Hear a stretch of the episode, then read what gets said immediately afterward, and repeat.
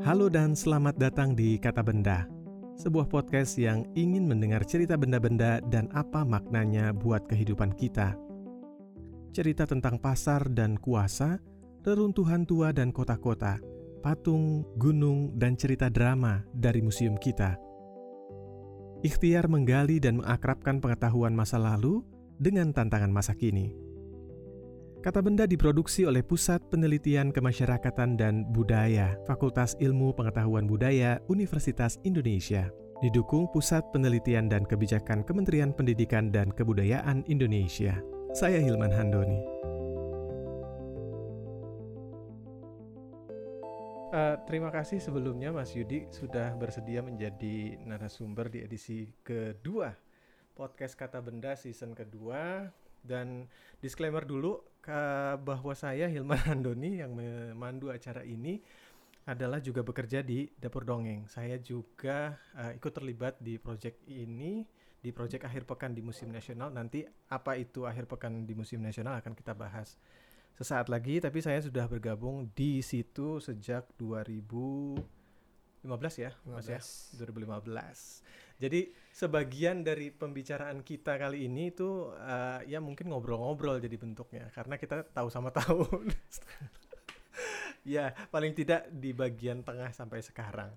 Nah, Mas Yud, uh, bagian pertama dulu uh, saya mau bercerita dulu tentang latar belakang tahun 2010 atau 2011 aku diajak Mas Yudi untuk uh, meriset sebuah project yang namanya Mystery of Batavia dan itu yang sangat membukakan mataku sih sebenarnya. Bahwa gila dari sebuah lukisan sederhana nggak selesai lagi. Uh, pelukisnya juga kita nggak tahu tapi menclok ada di situ ternyata bisa melahirkan semesta baru. Dan itu sebenarnya yang menjadi tema kita pada obrolan kali ini. Uh, bagaimana sebuah benda bisa memunculkan semesta, bisa memunculkan aneka macam cerita, keajaiban, petualangan dan macam-macam. Uh, itu yang menjadi napas Project Mystery of Batavia. Tapi mungkin Mas Yudi bisa memberikan terlebih dahulu sebenarnya apa sih introduksi uh, mengenai program Mystery of Batavia itu. Oke, selamat siang Hilman. Terima kasih sudah mengundang saya dalam podcast ini. Uh, mengenai program Misteri Batavia pada saat itu saya masih bekerja sebagai manager arts hmm. dan ekonomi kreatif untuk British Council Indonesia dan hmm. uh, sebetulnya proyek itu dimulai ketika kami membuat video mapping tiga dimensi pertama hmm. di Kota Tua Jakarta bekerjasama dengan pemerintah provinsi DKI Jakarta. Hmm. Uh, di mana kami berhasil menarik sekitar 40 ribu, 45 ribu pengunjung ya hmm. dalam satu malam pementasan tersebut dan uh, ini masih di awal-awal medsos ya. Hmm. Instagram belum ada belum ada masih ada yang bawel ya, gitu. Facebook masih baru Facebook sama YouTube gitu ya sama uh, Twitter. Uh, apa namanya ada sekitar 250 ribu uh, siaran di daring yang dilakukan oleh para pengunjung seperti itu. Jadi itu satu satu proyek yang yang luar biasa. Dalam menjalankan proyek itu kami kebetulan uh, menggelar sebuah diskusi di satu ruangan di Museum Sejarah Jakarta. Ternyata yeah. ruangan itu uh, menyimpan mural 200 meter persegi karya pelukis Haryadi S yang adalah seorang pelukis uh, apa namanya seniman muda ya seniman muda seangkatan dengan Esu Joyono ya. Yeah. Nah, mereka uh, tahun 71 kalau tidak salah kedua pelukis ini Sujono dan Haryadi diminta oleh uh, Ali Sadikin uh, yang waktu itu mempunyai gagasan untuk menjadikan daerah kota tua hmm. menjadi daerah permusiuman yeah. untuk membuat lukisan yang mencerminkan sejarah uh, Indonesia gitu. Hmm uh, Sujoyono kemudian membuat lukisan penyerangan Sultan Bata uh, Sultan Agung ke, ke Batavia. Batavia. Hmm. Uh, sementara Haryadi yang baru pulang dari belajar membuat mural di Meksiko, yeah. kemudian dia ingin menerapkan peng, apa keahlian barunya, keterampilan barunya, keterampilan itu. barunya, hmm. maka dia membuat mural di ruangan belakang hmm. di Museum Sejarah Jakarta. Hmm. Sayangnya memang uh, ruangan itu menjadi apa namanya karena sudah tua eh, kemudian eh, ada kerusakan di dalam dindingnya, retak, kemudian lembab. Hmm. Akhirnya dia tidak bisa menyelesaikan lukisan tersebut. Jadi Hmm. gambar sketsnya sudah jadi, tetapi yang diwarnai masih sedikit. Nah, Hmm. pada saat kami menggunakan meminjam, dipinjamkan lah ya ruangan itu Hmm. untuk diskusi. Ya, sementara saya tidak ikut diskusi, saya hanya sebagai Hmm. sebagai produser Mhm. besarnya hanya mengawasi begitu. Saya memandang terus lukisan itu, Hmm. memandang terus lukisan itu dan saya berpikir wah kemarin kita tahun lalu 2010 itu kami sudah membuat eh, video mapping Ya. di mana kami bisa seolah-olah merobohkan Museum Sejarah Jakarta Yeah. atau Museum Sejarah Jakarta jadi ada batiknya gitu ya dicoret-coret grafik tapi itu semua hanya lewat digital video. Hmm. Wah, ini lukisan sebesar ini tentu bisa bisa bisa di bisa di bisa di, di- dikerjakan dengan cara yang sama ya, Hmm. ya gitu. Tapi sebelum itu tentunya adalah keterpukauan kepada terhadap terhadap mural tersebut karena di mural itu ada saya tidak tahu belum pernah menghitung bahkan sampai hari ini ada berapa ratus tokoh Tokoh kepala ya. ya Mhm. uh, mulai dari mulai dari katakanlah pejabat Hindia Belanda karena ini Hmm. menggambarkan Batavia dari tahun 18 70-an? tiga, ya Enggak. 1830 mungkin ya 30. sampai 1870-an begitu eh menggambarkan pejabat Belanda, kemudian wedana eh, Jawa, kemudian ada noni-noni, ada serdadu eh, kenil, ada eh, bahkan sampai ada pekerja seks komersial, Mhm. ada pedagang, ada orang Arab, ada orang Cina, ada perkawinan Betawi Iya, dan segala macam ya, ada perkawinan. makanan ini dan itu. Itu luar biasa bahkan sampai ada eh, gam- apa namanya eh, gambar eh, eksekusi ya, Ya. orang digantung di pohon dan Ya. segala macam. Jadi Mhm. saya melihat itu dan saya mengatakan ini ini sebuah cerita. Hmm. Ini sebuah cerita dan eh, dari apa yang kami pelajari sejak mengerjakan video mapping, Hmm. bagaimana ya caranya kami menggabungkan pengetahuan yang di- dibuat waktu video mapping dengan lukisan ini. Jadi Hmm. malam malam malam itu eh, sore itu kami dis- eh, siang diskusi di di ruangan itu malamnya memang video mappingnya Ya. jadi saya langsung bilang sama direktur saya pada saat itu Hmm. eh, direktur British Council saya bilang proyek kita tahun depan adalah lukisan ini gitu nah Pokoknya ada sesuatu dari iya, lukisan ini dan lukis- iya, harus gitu. lukisan ini. Iya. Dan dan dan sejak awal memang seperti karakter-karakter dalam lukisan itu selalu seperti berbicara pada saya ini bukan Hmm. tahyul bukan tidak tidak bermaksud seperti itu ya Eh. Eh, tapi saya merasakan bahwa mereka berbicara Hmm. Eh, bahkan yang paling berbicara pada saya itu adalah tokoh eh, pelayan Hmm. di sebuah pesta eh, Bela- orang Belanda Hmm. di, yang di- yang menghidangkan rice tafel begitu Hmm. ada satu pelayan yang berdiri di agak ke samping di belakang gitu dan dia itu tidak selesai jadi mukanya itu eh, belum selesai di, di- digambar dilukis belum ada detail muka. ya? bagi saya dari semua karakter yang ada di situ termasuk di situ ada ada pesilat dan segala macam menurut saya itu adalah tokoh yang paling menarik karena saya membayangkan kalau misalnya eh, memang karakter itu ada Mhm. dia adalah mungkin karakter yang paling bisa bercerita tentang Dia- apa yang terjadi di pesta itu, tentang apa yang dikatakan tentang bagaimana kehidupan di, di karena dia berada katakanlah dia seorang pelayan di di di di, di pejabat Belanda gitu kan, Uh-huh. tentunya dia hidup di, di, di dua dunia nih. Hmm. Dia sebagai pribumi, dia hidup bersama oh, mungkin tinggalnya di kampung atau dia kenal dengan orang-orang yang di kampung di sekitar situ, tapi Hmm. dia juga melayani orang-orang eh, pejabat, bangsawan dan lain-lain seperti Hmm. itu. Jadi saya ini ini karakter yang menarik sekali. Nah, Hmm. jadi kami mencoba mengembangkan itu. Nah, tapi satu hal juga yang mungkin dari awal memang pendekatan kami adalah kami tidak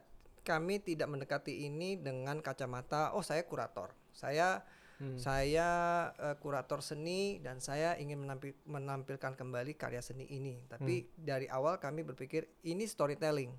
Hmm. Terlepas bentuk eh, bendanya apa, Hmm. yang kami pikirkan adalah storytelling. Kemudian storytelling itu sendiri dikaitkan dengan em, dengan pengalaman museum sebetulnya, Hmm. karena kita tahu bahwa di Indonesia itu pengalaman berkunjung ke museum itu bukan pengalaman yang Menyenangkan. selalu menyenangkan, Selalu menyenangkan. ya kadang-kadang menyenangkan, tapi sering kali tidak menyenangkan begitu. Eh, informasi minim, Ya. eh, koleksinya tidak berubah berpuluh-puluh tahun, tidak ada pemandu panduan yang menarik, Hmm. eh, penonton hanya datang lihat-lihat lihat-lihat lihat-lihat Hmm. terus selesai begitu ya. Ehm, bahkan kalau misalnya kita bicara program karya wisata untuk anak-anak sekolah itu lebih menyebalkan lagi di mana mereka di seperti kayak kayak kambing kalau saya bilang kayak kambing kayak sapi yang digeret-geret dari satu ruangan ke ruangan lain habis itu mereka harus bikin catatan buru-buru habis itu bi- harus bikin laporan karya wisata untuk di untuk kelas sejarahnya gitu ya. Itu itu justru menurut saya adalah uh, pengalaman yang atau kegiatan yang justru membuat banyak anak-anak Indonesia itu benci pada museum. Hmm. Nah, jadi itu juga menjadi pertimbangan kami bagaimana caranya kami mengangkat kembali lukisan ini karena ternyata lukisan itu sudah tersembunyi di ruangan tersebut selama 30 tahun kalau tidak salah ya. Hmm. Ya itu berhenti mereka berhenti ber- melakukan itu tahun 75. Dia Hmm. men- dia menyerah lah si Haryadi Haryadi, menyerah hmm. tidak bisa meneruskan lukisan itu kalau tidak salah. Hmm. Nah, waktu itu kami bikin kan tahun 2000 11 10 ya? waktu Eh, itu. iya, 2010 iya, waktu itu kami Hmm. lihat tapi bikinnya 2011 ya Ya. gitu. Nah, jadi eh eh, artinya sudah sudah berapa itu? Sudah Dua, eh, di- 25 25 tahun. Enggak, udah 35 tahun. 35 tahun ya? Iya. 30 tahun ya, 30 tahun. Ya, betul, 35 tahun itu. Dia Hmm. dia tersembunyi saja. Jadi selama 35 tahun karena lukisan itu tidak selesai, para pengelola museum memutuskan ya sudah dikunci saja. Gitu ya. Padahal Jadi itu ini benar-benar itu ruang tidak terbuka sebenarnya. Iya, itu bahkan dijadikan Edan semacam ya. gudang waktu kami pertama kali buka lagi itu ditaruh apa kursi-kursi yang tidak terpakai, meja-meja tidak terpakai, meja-meja pegawai dan segala macam itu disimpannya di situ. Padahal itu adalah karya seorang maestro Indonesia, Hmm. em, seorang pahlawan pahlawan eh, perang kemerdekaan juga ya, Ya. gitu ya. Dan eh, lukisannya juga tidak umum, mural sebesar itu dan apa yang di- digambarkan dalam mural itu juga luar biasa. Jadi itu ada ada ada pendekatan kami dari awal ini storytelling, kedua i- kita harus ah, kita harus mem- mem- mem- apa ya me- melihat eh, program yang akan eh, kami ciptakan itu dari kacamata museum experience. Hmm. Bagaimana menciptakan pengalaman museum yang asik Hmm. bagi banyak orang Hmm. yang bisa diakses bukan hanya orang-orang yang mengerti museum atau orang-orang yang ber- bekerja di lingkungan sejarah, arkeologi, antropologi dan segala macam, tapi juga bahkan untuk awam. Hmm. Nah, kemudian eh, pengalaman kami dengan membuat video mapping Hmm. itu menun- membuktikan bahwa ketika kami memperkenalkan teknologi Hmm. di sebuah situs bersejarah tanpa merusak situs bersejarah itu, eh, tanggapan dari masyarakat itu luar biasa. Hmm. Jadi kami memikirkan, oke, bagaimana peran teknologi Hmm. bisa membantu kita untuk mengerjakan itu. Bagian dari teknologi itu adalah pada saat kami membuat 3D video mapping, kami bekerja dengan eh, seniman-seniman multidisiplin. Hmm. Jadi ada fotografer, ada videografer, ada seniman eh, digital animasi, ada Hmm. seniman suara dan Ya. dan dan apa namanya ada ada penulis. Nah, Main teater, Da- teater Oh, belum, ya, tapi waktu kemudian ketika kami Hmm. bikin Mister Batavia, kami kami lihat wah ini sebetulnya karakter ini kan kalau dihidupkan dalam bentuk teater menarik sekali. Nah Hmm. di situlah mulai berkembang. Jadi kemudian uh, Project Mister Batavia itu melibatkan uh, komikus, Ya.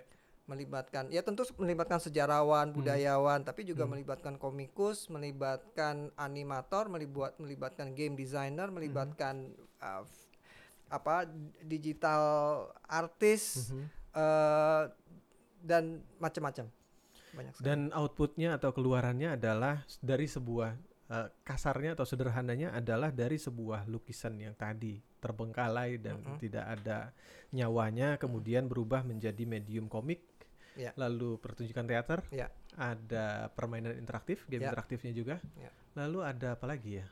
Oh, game interaktif udah ya, Mm-mm. Jadi ada microsite. microsite-nya juga. Ya, ya. Jadi dari sebuah eh, pengalaman visual memandang lukisan itu bisa menjadi multi pengalaman. Ya, sebetulnya karena Hmm. selain selain multi pengalaman itu juga kami ingin membuka pintu sebanyak-banyaknya. Jadi Hmm. begini, orang yang mengerti siapa Haryadi S, Mhm. dia akan datang, dia akan lihat, melihat lukisannya. Ya. Tapi kemudian kami bisa menyajikan, eh ada teaternya loh, ada ceritanya yang kami kembangkan, kami tafsirkan dari lukisan tersebut. Eh, orang yang senang senang teater karena kemudian kemudian kami juga bekerja dengan teater koma. Katakanlah penggemar Hmm. teater koma uh teater koma main di museum sejarah Jakarta. Dia jadi terekspos pada sejarah. Dia terekspos pada Haryadi S. Hmm. gitu ya. Orang yang mencari sensasi uh ada lukisan tersembunyi bla bla bla tiba-tiba dia jadi belajar tentang lukisan dia tentang teater tentang orang yang senang main game dia main gamenya dapat tiket gratis datang ke museum dia kemudian Terpapar ah, lagi. iya terpapar lagi. Jadi Hmm. eh, pintunya banyak tidak Hmm. tidak tidak serta merta pintu itu hanya untuk orang yang senang museum Hmm, multifaceted ya jadi Iya. ya Uh, itu penting juga menempatkan ini di bagian uh, kedua nanti mungkin akan kita eksplorasi lebih lanjut tapi uh, bahwa uh, basisnya adalah cerita yang kemu apa basisnya sebuah benda kemudian dijadikan cerita adalah semacam prototipe kali ya yang kemudian dikembangkan oleh dapur dongeng juga untuk uh, Museum Nasional Ya. dengan program akhir pekan di Museum Nasional sejak 2013.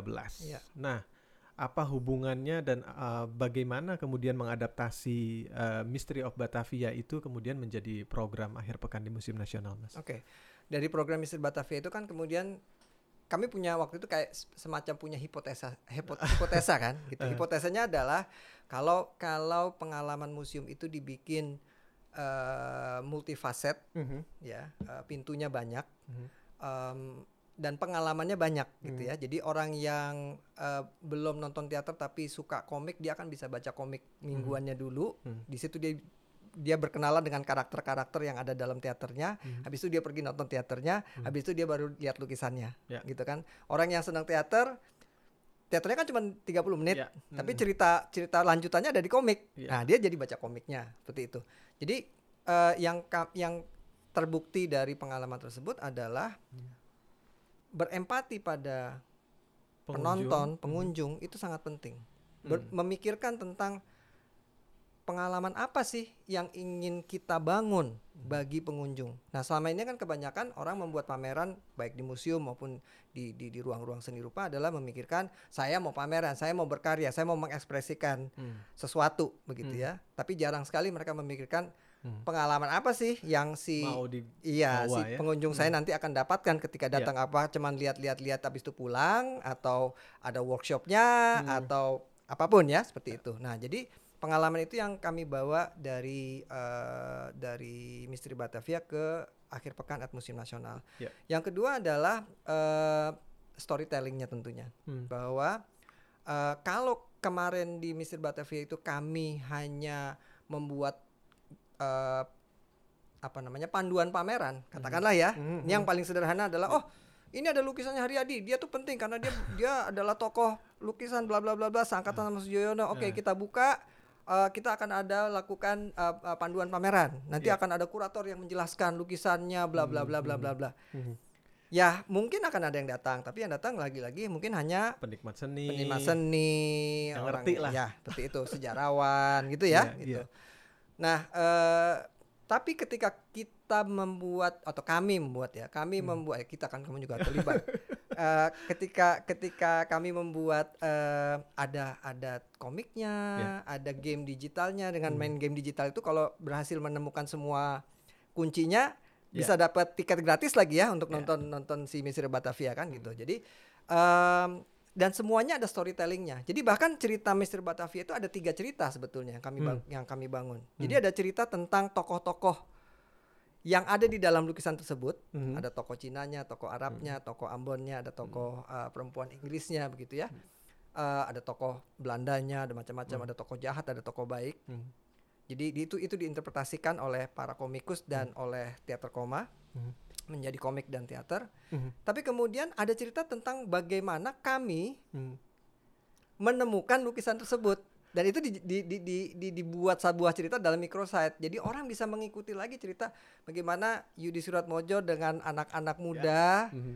eh, di sekitar daerah kota tua ternyata eh, ketemu ada kunci apa namanya clues ya eh?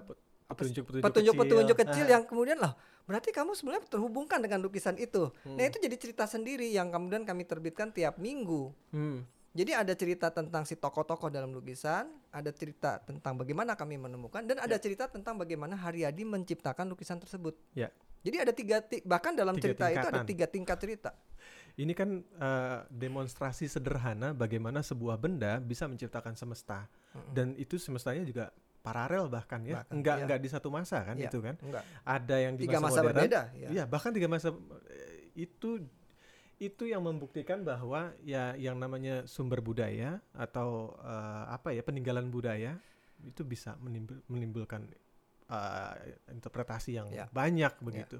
Dan itu juga yang kemudian dipakai di akhir pekan di Museum Nasional sampai sekarang sudah berapa lakon tercipta dari hitung hitung itu dari dari dari awal sampai sekarang itu sudah mungkin sekitar berapa 30 lakon asli ya lakon asli ya, Ya. bukan dongeng yang kemudian dimodifikasi atau bukan di bukan ya. bukan Jadi sudah 30-an Ya. dari uh, sebagian uh, nah, ini bagaimana cara bekerja artefak itu dalam membangun semesta cerita di 30 lah di 30-an lebih cerita itu. ya pendekatannya sebetulnya agak sama dengan waktu kami memulai Misteri Batavia dimulai dengan sebuah artefak Hmm. Jadi waktu 2013 kami diundang oleh Museum Nasional Indonesia oleh Mhm. direkturnya pada saat itu Hmm. untuk eh, membuat satu program inovatif karena eh, alasannya pada saat itu mereka merasa kenapa museum itu hanya didatangi oleh siswa-siswa karya wisata Iya. sementara keluarga Indonesia itu tidak menjadikan museum sebagai destinasi bahkan untuk eh, akhir pekan seperti Iya. itu. Jadi Mhm.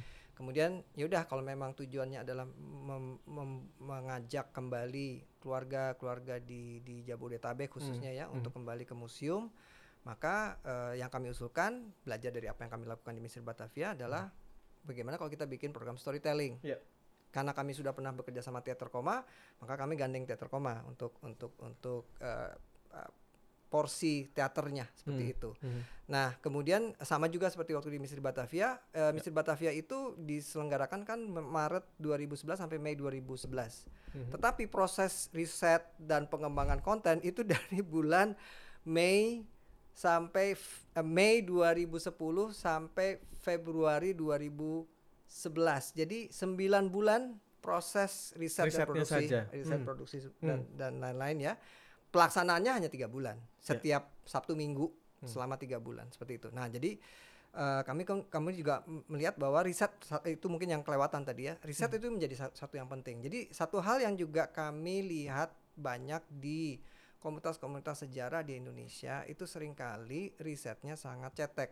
Hmm. Jadi sering kali apa yang mereka sampaikan itu sebetulnya bisa kita kita kita baca online lah istilahnya Apa yang sudah ada di toko di ya Wikimedia. Wikipedia begitu ya atau mungkinnya atau apalah ya eh, di Tirto gitu seperti itu ya terus ya dikembangkan dari situ Iya, nah iya. kami kami ingin ingin eh, walaupun mungkin sebagian besar bahan-bahan itu akhirnya tidak tidak muncul dalam Hmm. dalam proyek kami tetapi pengetahuan itu di- diperlukan oleh si penulis naskah gitu. Hmm. Nah, awalnya memang naskah ditulis oleh tim teater koma karena mereka lebih ber- berpengalaman pada saat Hmm. itu.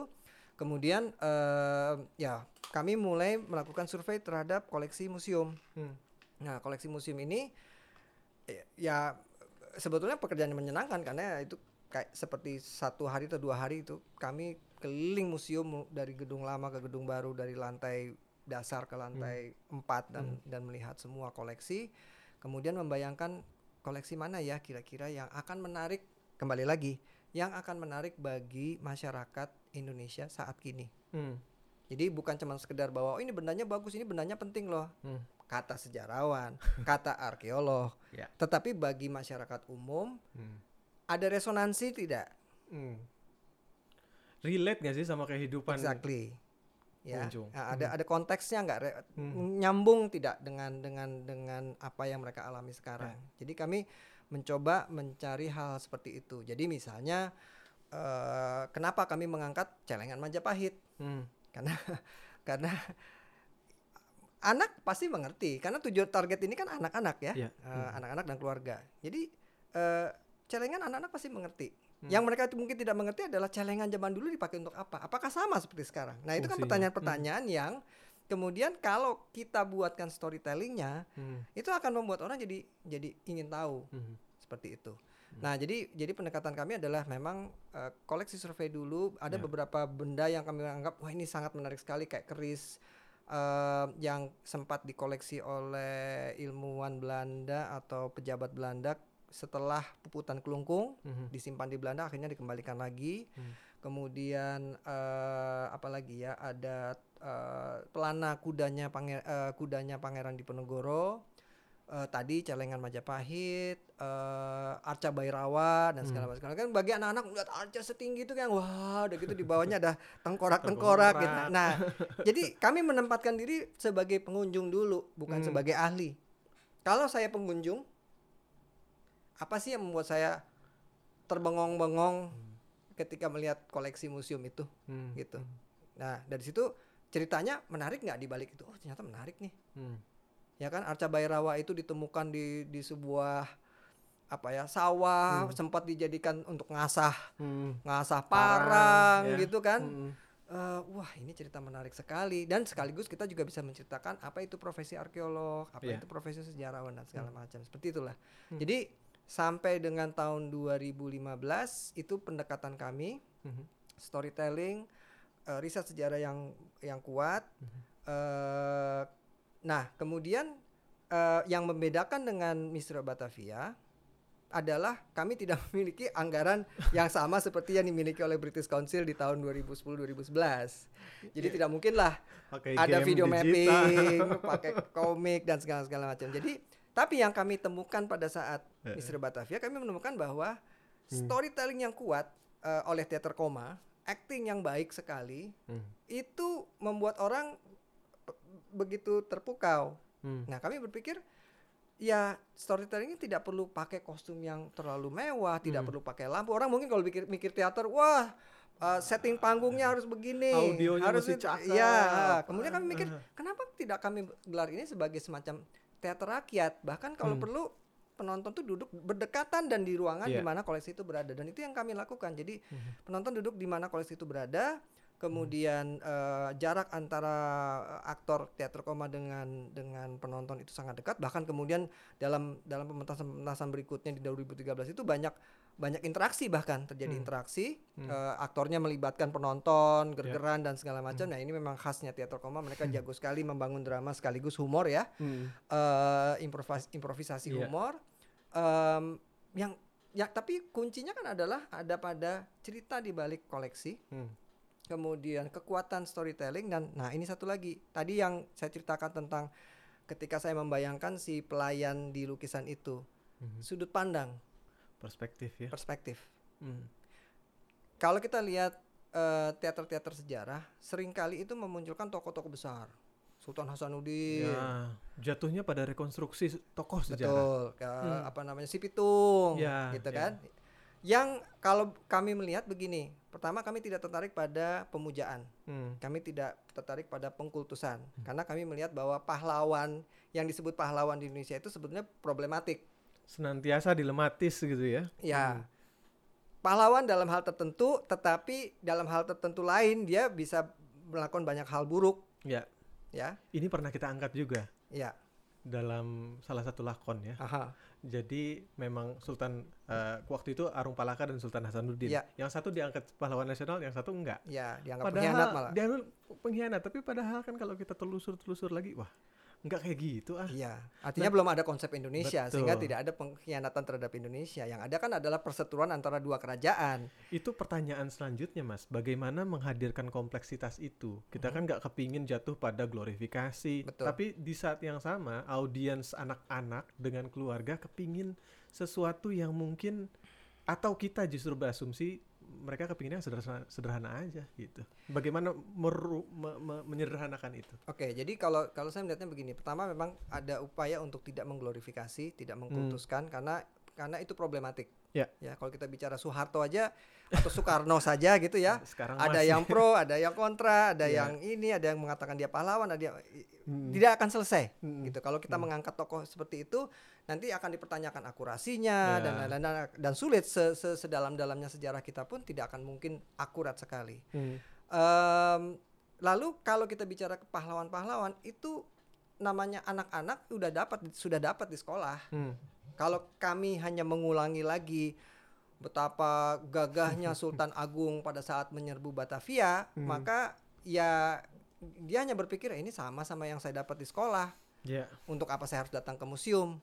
Ada Untuk ini tidak ada lain. pengalaman baru, tidak ada Hmm. pengetahuan baru. Hmm. Nah, bagi kami justru lebih menarik kalau kemudian bagaimana kalau ketimbang kami mengangkat Sultan Agung, kami mengangkat tukang angkut barangnya karena kan pasukan Sultan Agung itu harus berangkat dari kota gede Hmm. 500 km menuju Batavia melewati lembah, hutan, gunung, rawa dan segala macam. Hmm. Hmm. Yang merasakan beratnya itu kan justru si tukang angkutnya bukan Sultan Agungnya. Sultan Agungnya mungkin ditandu atau pakai ini ya, Ya, pakai kuda. Iya, nah Ah. artinya kan yang kemudian yang kemudian kita apa namanya dengan kita, dengan kita menghadirkan si ini udah kita ya sekarang ya dengan kita menghadirkan eh, si tukang angkut itu Hmm.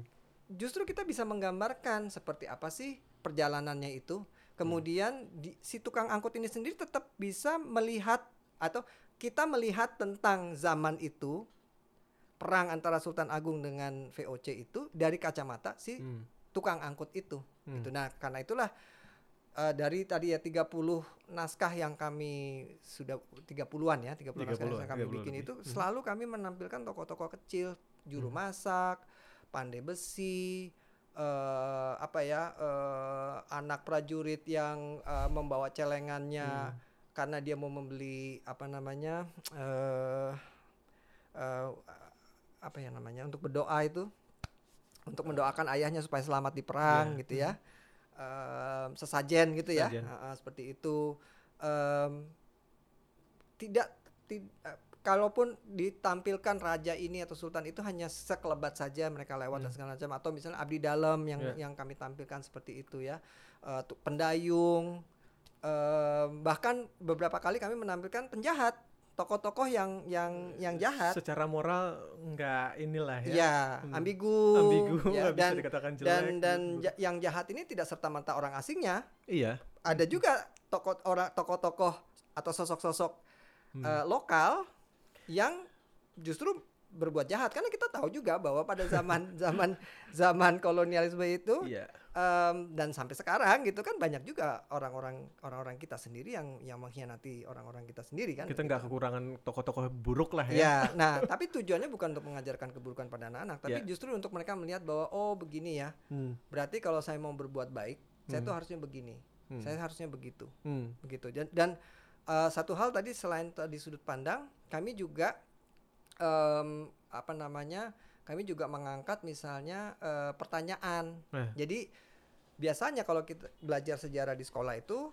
adalah apa, siapa, kapan, di mana. Hafalan. Semua Ya, bisa siapa? dihafal. Sultan Hmm. Agung. Apa yang dia lakukan? Menyerang Batavia. Tahun Kapan? berapa? Tahun berapa? ya kan? Di mana? Gitu kan? Iya. Seperti itu. Semua pembelajaran sejarah itu apa, siapa, kapan, di mana. Hmm. Kenapa dan bag- bagaimana? Hmm. Itu adalah justru dua pertanyaan yang hampir tidak pernah ada di dalam pelajaran sejarah kita. Dan itu juga yang mungkin jadi menumpulkan critical thinking kita nggak sih? Betul. Jadi betul. belajar sejarah tuh nggak bukan melatih daya kritis kita Betul. sebenarnya. Jadi kalau misalnya kita bicara kenapa Sultan Agung dengan pasukan yang 250 ribu orang Nyerbu Batavia, Kastil Batavia yang cuma dengan, segitu iya, dengan menyerbu kasih Batavia hanya di, di, di, dikawal seribu orang Hmm. soldadu bayaran pula ya Hmm. ya ini orang ini mercenaries lah ya itu kok bisa sampai dua kali gagal, Gagal. apa yang mengakibatkan dia gagal nah Hmm. kalau kita baca buku-buku sejarah yang yang yang serius Hmm. penjelasannya ada Mm-mm. tetapi kalau kita baca buku sejarah eh, di sekolah itu tidak pernah ada padahal sebetulnya anak-anak itu bertanya kalau memang dia begitu saktinya dia begitu hebatnya kenapa sih kok kita kalah melulu Iya. ya kan dan dan, dan coba bayangkan deh bapak-bapak ibu-ibu guru ya bahwa ketika anda punya murid yang berpikiran kritis dia hanya akan berpikir berarti kita itu bangsa yang kalah Ya. kita itu bangsa yang tidak mampu Hmm. Karena dia tidak tidak tidak diajarkan bahwa oke ini dia sebetulnya melakukan kesalahan Hmm. kesalahannya adalah misalnya kalau dalam Sultan Agung adalah karena dia menghancurkan pelabuhan-pelabuhan dalam rangka dia menguasai Pulau Jawa Hmm. akibatnya dia tidak mempunyai armada laut yang cukup kuat Hmm. ya memang dia punya kapal-kapal yang untuk mengirim pasukan menyerang Kastil Batavia tapi Hmm. dia tidak punya angkatan Ya. laut seperti Belanda punya. Jadi Belanda walaupun walaupun sudah dikepung dari darat, dia masih punya lautan untuk dia dan bahkan dia sempat kapal-kapal lautnya sempat mem- membombardir Cirebon di mana Ya. eh, Sultan Agung sudah menyiapkan eh, pasokan Logistik, makanan ya. sehingga ketika Hmm. pasukannya sampai di Cirebon itu sudah habis semua. Akhirnya Ya. ketika mereka sampai di di Batavia mereka kelaparan. Di ekspedisi kedua dia masih melakukan kurang lebih hal yang sama walaupun dia melakukan apa namanya perbaikan-perbaikan tapi dia masih melakukan hal yang sama seperti itu.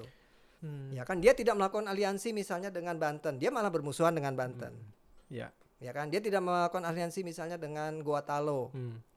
itu ya bayangkan kalau Guatalo menjadi sekutunya dia Hmm. Belanda habis itu udah Ya.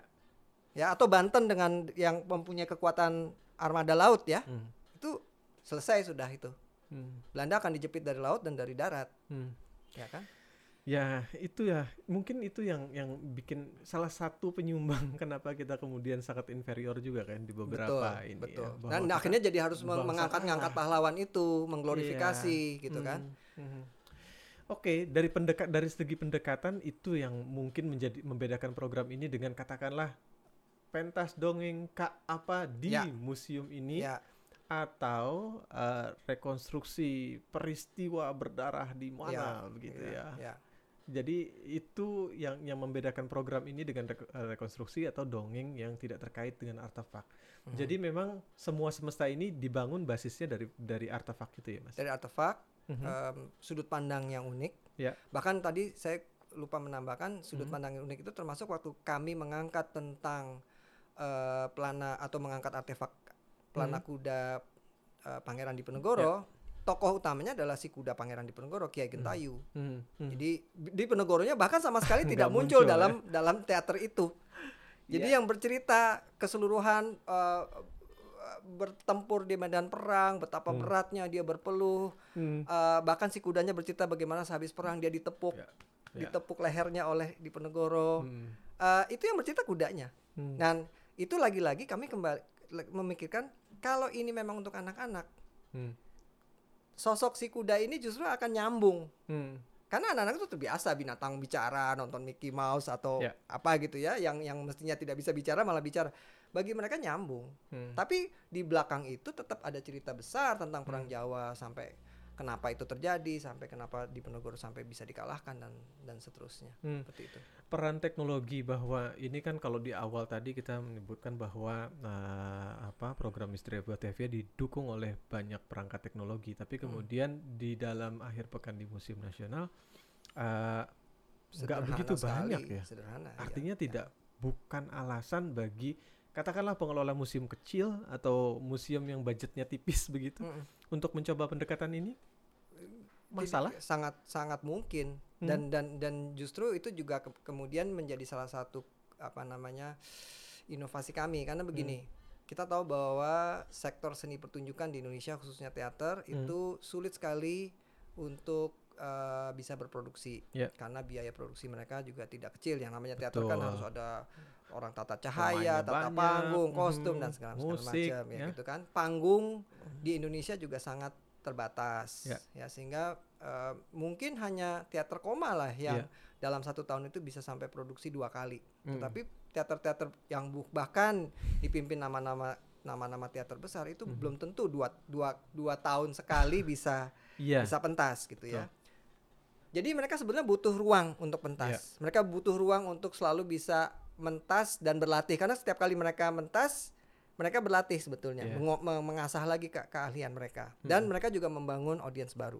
Iya. Di sisi lain museum sudah sudah jelas museum itu selalu menjadi salah satu problem terbesarnya adalah bagaimana menarik pengunjung. Iya. Ya, makanya andalan andalan museum adalah karya wisata karena Iya. sekali sekali gebet dapat 60 orang Oh, 300 anak, tiga bus gitu ya, gitu kan. ya Nah, itu itu jadi andalannya. Tapi apakah itu membuat anak-anak jadi tertarik pada museum, mencintai museum? Itu tidak pernah dilakukan pengukuran. Hmm. Ya, jadi ukurannya kan hanya jumlah pengunjung kan gitu. Ya. Nah, sementara di program ini kan kami juga mengukur uh, perubahan sikap, perubahan dan segala segala macam. Nah, Hmm. kembali lagi ke apa namanya ke ke, ke poin tadi adalah bahwa em, sorry tadi jadi keputus. Eh, teknologi atau ini adalah sebuah program yang Oh perlu iya, oke, inovasi yang kesederhanaan, perlu ya, uang iya, iya, dan iya, seterusnya gitu. artinya artinya teater butuh ruang, Hmm. museum butuh eh, program untuk menarik pengunjung.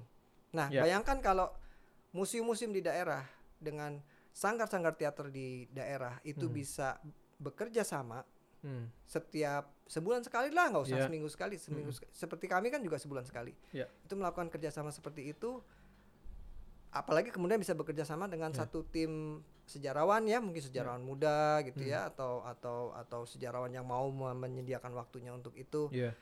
jadi tripartit tripartit Oh, ya hmm. ini ada tiga nih gitu Hmm. itu akan sangat bagus sekali Iya. Kalau dalam teori museum sih eh, ini ya museum partisipatif, museum yang membuka diri pada keterlibatan publik Hmm. dan juga museum kan selama ini dikaitkan bahwa dialah yang menjaga guardian dari segala macam warisan budaya Iya, yang dia punya. iya, Nah iya. sudah saatnya juga bagi museum sebenarnya untuk membagi otoritas yang dia punya Iya. kepada orang, warga biasa, Iya. komunitas, publik. Dengan Iya. demikian terjadilah dinamika seperti Iya. yang terjadi di Iya. akhir pekan di Museum Iya. Nasional.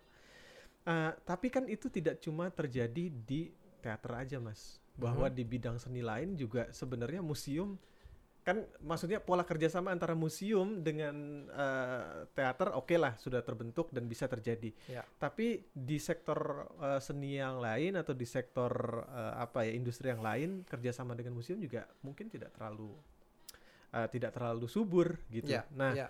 uh, bagaimana ya ya atau ker- pola kerjasama macam apa yang Mas Yudi bisa imajinasikan yang bisa dilakukan oleh museum dengan berbagai macam sektor, nggak cuma seniman teater, nggak cuma dengan seniman apa, tapi yang bidang-bidang lain.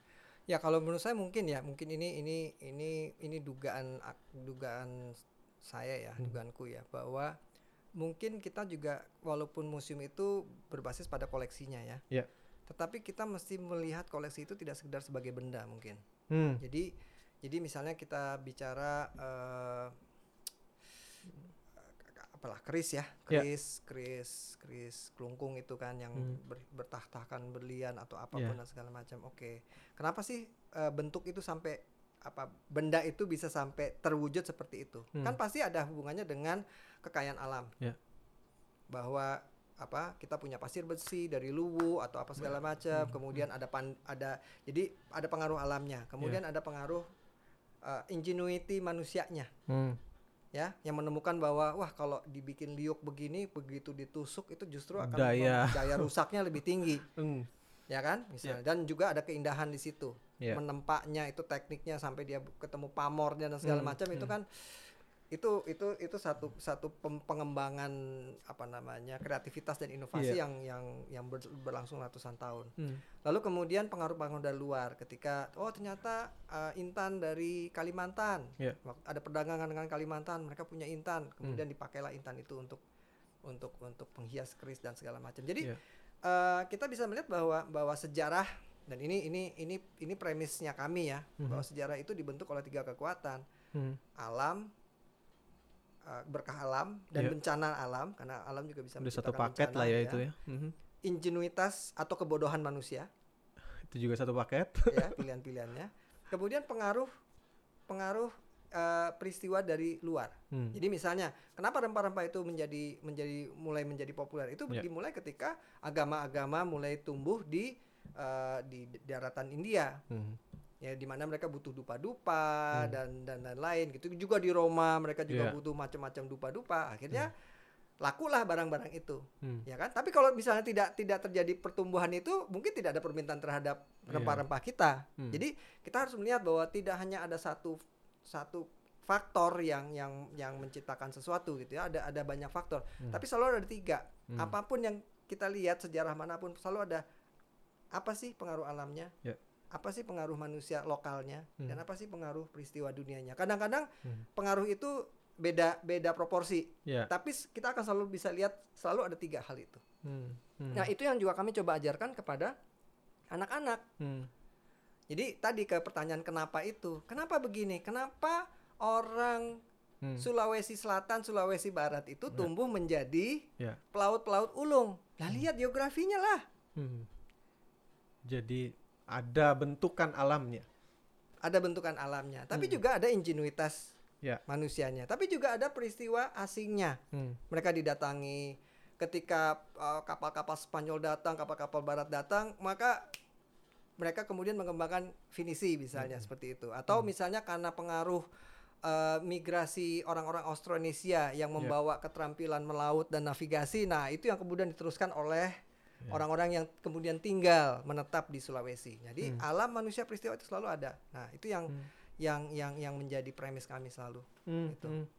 Ah, nah, eh, Mas, ini ke pandemi. Kita bicara soal eh, imajinasi kira-kira membayangkan museum di masa yang akan datang itu seperti apa Hmm. dalam konteks dikaitkan dengan pandemi. Pandemi ini konon katanya menurut banyak ilmuwan kan akan mengubah tata cara Iya. di semua sektor kehidupan Iya, termasuk iya, juga museum. iya. Nah, Mas Yudi sendiri berimajinasi seperti apa eh, tentang museum di masa yang akan yang akan datang pasca pandemi ini?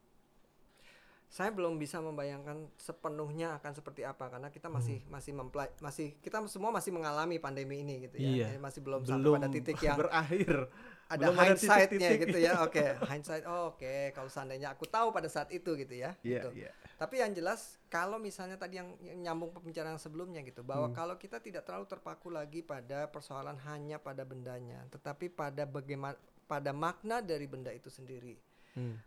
pada kalau dibilang ekosistem mungkin aku saya tidak tahu apakah itu tepat ya tapi pada kosmologi dari benda itu sendiri Hmm. Jadi Hmm. kalau kemarin kebetulan saya ikut ada satu diskusi tentang uh, Lopi Sandek perahu Hmm. Sandek uh, orang Mandar Orang gitu ya Mandar ya. adalah Hmm. dianggap sebagai perahu tercepat di Sulawesi Hmm. Em, ada satu pertanyaan dari satu peserta yang mengatakan eh, ada ikon apa lagi selain Hmm. Sandek nah itu adalah pertanyaan yang tipikal di mana eh, orang hanya melihat pada bendanya Hmm. Padahal kalau kalau kita bicara ikon, Hmm. ikon dari Sandek itu bukan Sandeknya sebetulnya. Tapi seluruh pengetahuan, Hmm. seluruh kekuatan tadi alam manusia dan peristiwa dunia yang berkontribusi pencip pada penciptaan Sandek itu. Hmm. Sandeknya itu sendiri sebetulnya eh, dia menggambarkan apa? Keterampilan eh, keterampilan membuat kapal, Hmm. tapi juga ke- pengetahuan tentang bagaimana laut itu bekerja. Hmm. Jadi dia oke, kalau laut itu begini, ombak itu begini, berarti kalau saya mau bikin kapal yang ringan, Hmm. kencang, kapal itu harus dibikin bentuknya seperti ini. Hmm. Terkait dengan pengetahuan tentang kayu, tentang Hmm. pohon, tentang tumbuh-tumbuhan, Sifat kayu ya. sifat kayu, berkaitan dengan karena ini pakai layar, berarti dengan bahan yang dipakai untuk layar. Kemudian angin, berarti Hmm. dia pengetahuan dia tentang angin, berarti pengetahuan dia tentang navigasi bintang. Ya. Artinya kita bicara ikonnya apa? Itu semua ikonnya. Semuanya usah nyari-nyari lagi gitu loh. Udah cukup satu aja sebenarnya. Em, artinya kita bisa jadi melihat apa saja dari Iya. situ kemudian kita bisa mengurai. Jadi maksud Hmm. saya em, orang kan di arkeologi ada namanya material culture ya. Mm-mm. Kalau saya membayangkan material culture itu seperti artinya kalau misalnya kita melihat apa ya apa sih yang ikonik banget eh Sepatu Nike atau apa? ya sepeda lah ya Sepeda. sepeda Hmm. kan orang lagi senang sepeda nih gara-gara Uh-uh. pandemi. coba sepeda itu kita urai Hmm. mulai dari ban Hmm. gerigi besinya Bentuk bulat bannya. bentuknya itu kita urai kita dan kemudian kita telusuri lagi ini karetnya dari mana Hmm. ini besinya dari mana Hmm. ini aluminiumnya dari mana ini desainnya Oleh siapa, yang siapa? menciptakan Hmm. seperti itu Hmm. ergonomisnya apa segala macam tiba-tiba dari satu benda sederhana seperti sepeda kita bisa melihat bahwa ini ada ada ada ilmu desain ada engineering ada ada tanaman Hmm. karet Karet. untuk untuk Mm-mm. sepedanya dari mana? Oh dari Delhi misalnya Mm. seperti itu, ya kan? Ada manufacturing, ada Mm. ekonomi, ada dari satu benda sederhana sekali. Hmm. Nah, sayangnya dalam penyampaian sejarah di Indonesia itu terpatok pada tokoh, pada benda mati tapi Hmm. Tidak tidak diurai, tidak dipecah lagi. Kalau saya bu- bukan dipecah, ya, tapi dilihat uraiannya. Hmm. Bagi saya tuh saya tertarik melihat apa benda apa pun itu melihat uraiannya. Mulai ini ini nyambungnya ke mana, ini nyambungnya ke mana, itu itu nyambungnya ke mana. Hmm. Seperti itu. Hmm. Eh, ya begitu juga mungkin museum seharusnya ya perspektif itu yang yang bisa Iya. dipakai oleh museum. Iya, gitu jadi ya. artinya kalau sekarang Hmm. ini kan orang berpikir, oh saya ke museum mesti ngelihat seluruh Iya. galeri, seluruh Hmm, koleksi. hmm, hmm. Lah, sebetulnya kalau mau museum itu bisa bikin program yang meng- dia mengangkat satu produk, Ya. ya, kemudian bukan satu produk, maaf, satu artefak, Hmm. kemudian dia mengurai benda itu dari segala macam hal, dari sis- aspek alamnya, dari Hmm. aspek ingenuitas manusianya, dari Hmm. aspek peristiwa dunianya. Hmm. Itu mau satu tahun juga tidak habis, Ceritanya nggak bakal habis-habis ya. ya, karena bisa dilihat dari dari banyak banget Perspektif. sudut pandang perspektif betul. Eh, waktu itu kita juga sempat bicara soal Tambora ya. Tambora, betul. kemudian menghasilkan banyak hal. Tambora bisa diceritakan dari banyak hal Betul. itu. Betul. Jadi itu semesta yang yang bisa tercipta dari lapisan demi lapisan itu bisa dikuak dari benda Betul. dan itu Betul. ya. Lapisannya. Jadi Hmm. jadi mestinya kita melihat benda bersejarah itu tidak satu dimensi tapi ada lapisan dimensi terus yang dikupas terus dikupas Hmm. ada lagi dikupas ada lagi dikupas ada lagi dan setiap kupasan itu akan menyambungkan kita kepada sejarah lain Ya. kepada kepada peristiwa lain kepada Hmm. tokoh lain Hmm. kepada penemuan lain seperti Hmm. itu Dan museum tadi ya kita sebenarnya dari dari obrolan yang tampaknya nggak terlalu uh, filosofis, nggak nggak apa ke sana kemari, tapi sebenarnya ada banyak sekali yang bisa diambil oleh para pengelola ya. Mulai dari tadi menempatkan posisi sebagai pengunjung, apa sih yang lo mau lo, tawar- lo, taw- Ya. lo tawarkan Ya, begitu ya? ya Lalu juga bagaimana cara berpikir uh, critical thinking itu Ya. begitu sehingga kemudian kita bisa membangun berkreativitas. Kreativitas itu jadi maknanya apa ya mas? Kreativitas bagi pengelola itu bagaimana cara menumbuhkannya itu kreativitas pengelola? Karena kita selama ini kan bilang, aduh museumnya nggak kreatif gitu ya. Nah resep yang mungkin sederhana tapi bisa kemudian diaplikasikan, dicoba dilatih oleh para pengelola ini bagaimana? Pengelola museum ini. Kalau saya selalu mulai dengan pengunjung. Hmm. Jadi setiap kali waktu saya juga diminta untuk menjadi kurator Galeri Antara, Hmm. Museum Antara tahun berapa 93. Hmm. eh, eh sorry, 94. Hmm. Ketika Antara meminta saya untuk mengelola itu, saya yang langsung berpikir adalah kalau saya Hmm. adalah seorang anak muda Hmm. yang tertarik pada fotografi. Lalu eh di Pasar Baru ada galeri fotografi pertama di Indonesia. Hmm. Pengalaman apa sih yang ingin saya dapatkan dari dari Hmm. mus- dari tempat itu artinya saya saya bahkan sampai membayangkan saya datang ke pasar baru jauh-jauh dan apa namanya waktu itu belum ada grab belum ada ya bayangkan ya masih naik bus naik kereta seperti itu ya Eh, perjalanannya saja sudah sudah sudah Me- menyita energi itu. Ya orang mikir waduh ke pasar baru jauh banget gitu kan. Oke. Sampai di sana kalau saya cuman masuk lihat lihat di galeri ada foto-foto foto-foto terus tidak ada penjelasan apa-apa paling judul karyanya Hmm. cuman ada orang yang menjaga meja registrasi Hmm.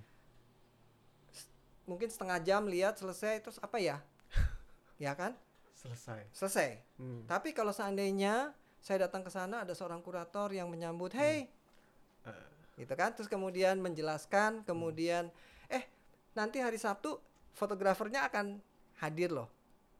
Dia akan presentasi dia akan berbicara tentang bagaimana dia menciptakan karya-karya ini kalau kamu tertarik silahkan Yuk, datang. datang Hmm. gratis dan segala macam Hmm. lalu ke- lalu kemudian kalau dia sudah berapa kali datang mungkin eh kita mau buka workshop fotografi loh Hmm.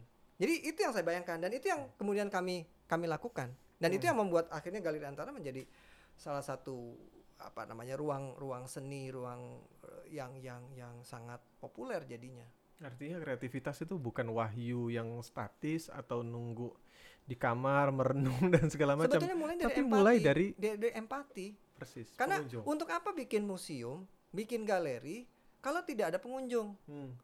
jadi kan tujuannya adalah supaya orang datang supaya terjadi pertukaran pengetahuan Pengetahuan.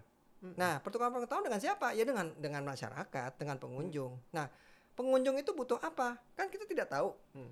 Ya kita bisa menduga-duga, oh dia butuh ini, butuh ya. Iya, iya. Itu dugaan kita. Heeh. Tapi mungkin harus ada proses di mana kita berempati dulu, Hmm. membayangkan kalau saya datang ke Museum Nasional. Hmm. Museum Nasional itu terdiri sekarang saat saat ini saja dari dua gedung besar. Akan tiga nih Akan tahun- tiga, tahun akan ini. tiga. Hmm. Kemudian koleksinya sekarang yang dipamerkan aja ada berapa? 120, 140 saya lupa Sebagian besar masih di 140 Ya, tapi masih tapi di- yang yang dipamerkan saja sudah di atas 100 ribu. Hmm. Eh, 10 ribu kali ya. 10 10 ribu koleksi, sampai. maaf, Hmm. 10 ribu koleksi. Itu terpisah di dua gedung, Hmm. empat lantai, beberapa galeri. Ya. Coba bayangkan kalau an- kalau yang datang adalah seorang ibu-ibu dengan membawa anak-anak yang masih usia kelas 1, kelas 2 SD. Yang tingkat perhatiannya 9 Ya. detik. Oke. nah, bayangkan pengalaman apa yang akan didapatkan Ya. oleh si ibu itu? Hmm. Ya, katakanlah bayangkan ibu itu datang dari mana? Hmm. Wah, dari Tangerang atau dari Bogor. Wah, berarti perjalanannya saja sudah dua jam mungkin Ya, satu satu setengah setengah jam, jam satu setengah minimal Hmm. oke datang-datang itu pasti dia apa haus panas Hmm. gerah Ya, coba lihat di museum ada nggak tempat mereka bisa berteduh ada nggak tempat mereka bisa minum dulu istirahat dulu. iya jadi belum belum bicara tentang koleksinya nih Kita nggak usah bicara program muluk-muluk ya. belum belum belum baru ngomong tentang pengunjung itu bisa nyaman nggak ketika Iya. dia sampai Iya. dia merasa dia dia di, di- disambut tidak Iya. Hmm. ya kan? Nah, kemudian ketika dia di sana dia melihat koleksi begitu banyak, dia bingung saya mesti mulai dari mana.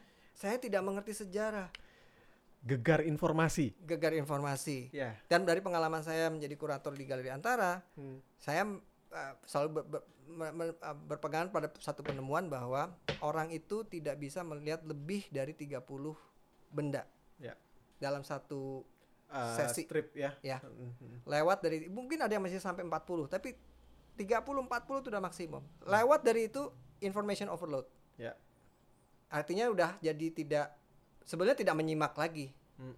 ya tidak menyimak lagi jadi cuma sekedar ya udah lewat aja deh yang penting hari ini semua bisa dilihat sayang kan udah jauh-jauh ke ke museum Mumpung nggak mau Ah, rugi, ah, mau rugi, nah nggak mau rugi nah Ah. ini sebetulnya sikap yang salah dan ini yang sebenarnya kita perbaiki dengan akhir pekan karena Hmm. salah satu yang yang kami lakukan setelah setelah pementasan Hmm. teater koma Hmm. ada yang namanya jelajah museum nah jelajah museum itu yang tadinya seperti seluruh koleksi diperlihatkan kami kemudian mulai bekerja sama dengan pemandu museum mengatakan Hmm. oke jangan perlihatkan lebih dari 8 Hmm. artefak karena ini Hmm. anak-anak Ya. ya. Yang penting setiap artefak yang mereka lihat nyambung dengan cerita Nyambung. yang mereka tadi tonton, kemudian ada interaksinya, mereka treasure hunt lah atau Hmm. mereka mesti memikirkan apa seperti itu. Ya. Nah, sekarang itu justru jadinya menjadi kebiasaan, menjadi Hmm. menjadi kebiasaan baru yang baik Hmm. dan itu berpengaruh pada jumlah kunjungan eh, berulang. Hmm. Jadi waktu kami kami kan sejak bikin akhir pekan 2013 itu selalu melakukan survei pen- pengunjung. Ya. Di awal itu kebanyakan 90% eh, or- responden mengatakan terakhir ke museum tiga tahun lalu. Bahkan ada yang mengatakan waktu masih sekolah. Sekarang sudah punya anak begitu Ah. ya. Waktu masih anak Ya. dan ke museum lagi Ah. setelah punya anak. Ya, terakhir kami bikin survei tahun 2018, Hmm. 90% mengatakan terakhir ke museum satu tahun yang lalu minimal. Hmm. Artinya ada perbaikan. Perbaikan. drastis. Jadi artinya bukan hanya bukan hanya persoalan kita menarik pengunjung, tetapi membuat orang berkunjung ulang. Nah, Hmm. ini salah satu problem besar museum Indonesia. Bukan museum nasional Indonesia ya, tapi Ya. museum di Indonesia. Hmm. Eh, bahwa orang datang melihat lihat seluruh koleksi sampai jenuh, sampai bingung sendiri. Hmm. akhirnya udah udah lihat semua, Iya. ngapain? Betul. Diajak lagi yuk ke museum lagi yuk. Ah, udah pernah. nih, udah nonton. Iya. Atau kalau dia ya udah ikut datang, dia lihat loh kok masih yang sama sih. Ah, Habis itu diajak lagi nggak mau. Nah, dengan pendekatan kami seperti ini kan Iya. kami mengatakan "Ja- jangan lihat yang lain, lihat yang ini aja. Hmm. Yang yang tadi yang hubungan sama cerita ini. Ya. Kalau kamu mau lihat yang itu, kamu bisa nanti bulan depan datang lagi pas kami ada cerita baru Hmm. atau kami dat kamu datang sendiri Ya. Dengan di waktu yang kamu tentukan sendiri. Nah, itu mengajar orang untuk lihat, fokus, nyimak, membangun experience yang lebih dalam. Dan itu yang menjadi antitesis dari karya wisata. Hmm. Hmm.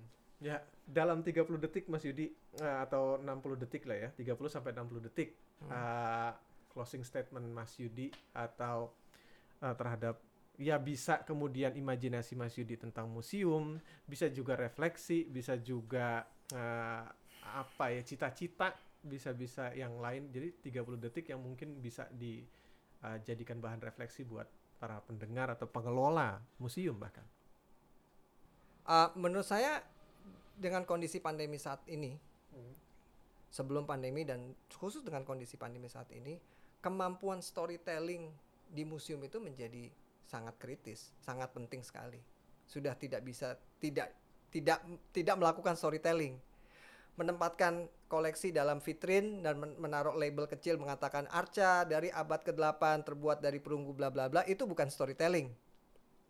Ya, itu hanya bisa dipahami oleh orang-orang yang memang mempelajari tentang arca itu atau zaman itu, gitu. Arkeolog, sejarawan dan lain-lain. Tapi kalau kalau museum ingin meraih uh, melakukan transfer of knowledge kepada uh, masyarakat, maka kemampuan storytelling itu menjadi sangat penting. Dan justru dengan kondisi pandemi ini ketika orang tidak bisa datang ke museum museum lah harusnya bi- bisa bercerita. Museum harus semakin bisa bercerita sebetulnya apa namanya mediumnya banyak ya kan? Ada video ada podcast. Eh, kami kebetulan sa- saat ini juga sedang mengembangkan sebuah satu podcast ya yang yang yang yang berbasis pada tadi storytelling drama radio dan lain-lain terkait dengan sejarah budaya dan lain-lain. Em, ap- apa namanya interaktif pakai game yang kemudian orang juga jadi jadi bisa imersif dan lain-lain. Storytelling itu kan banyak gitu ya. Banyak banyak caranya gitu.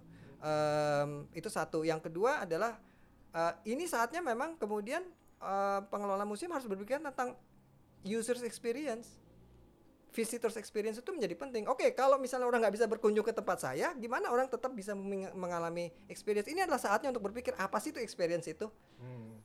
Ya kan? Kalau orang saya mengatakan eh, orang bertanya pekerjaan Mas Yudi apa? Saya kurator produser. Tapi orang mungkin berpikir kurator hanya mengkurasi benda ya, barang. Saya mengatakan tidak, saya mengkurasi experience, saya mengkurasi pengalaman. Bendanya bisa apa aja? Bagi saya sebenarnya tidak terlalu penting bendanya apa. Tapi yang saya tertarik itu adalah bagaimana orang yang saya ajak ngobrol melalui program ini itu mendapatkan pengalaman yang yang yang yang luar biasa sa- sehing- sampai satu titik di mana dia mengatakan wah saya jadi pingin tahu lebih banyak dan saya akan mencari sendiri. Gitu ya dan itu itu mesti dibangun itu itu sa- ini saatnya ini saatnya. Kalau masih berpikir wah gimana ya supaya orang datang ke museum. Ya itu masih cara berpikir yang dulu. Dan kita masih belum tahu sampai kapan kondisi PSBB ini berlangsung kan kan? Jadi yang sekarang mesti dipikirkan adalah bagaimana saya menyampaikan cerita ini dan bagaimana cerita ini bisa menggugah ya membangun pertanyaan kenapa. Karena yang tadi eksplorasi itu dimulai ketika ada pertanyaan kenapa. Kenapa bagaimana? Kalau nanti tapi kalau storytellingnya cuma apa siapa? Si pitung dia begini begini begini ditembak bla bla bla bla. Ya udah tahu ceritanya udah berapa kali diulangin gitu ya. Tapi kalau kita bicara tentang kenapa atau kalau kemudian sudut pandangnya bukan dari si pitung tapi katakanlah aku tidak tahu apa yang bikin menarik ya si pitung ikan mujair gitu di empang gitu ya. Apa pun gitu ya. Nah itu bisa menjadi bisa menjadi atau seekor burung di di pohon asem atau pohon apa yang tumbuh karena itu itu bagian dari apa namanya itu budaya ba- bagian dari budaya alam orang Betawi misalnya seperti itu ya. Nah, tapi yang bercerita seekor burung gitu kan? Nah eh, itu tiba-tiba jadi ih menarik banget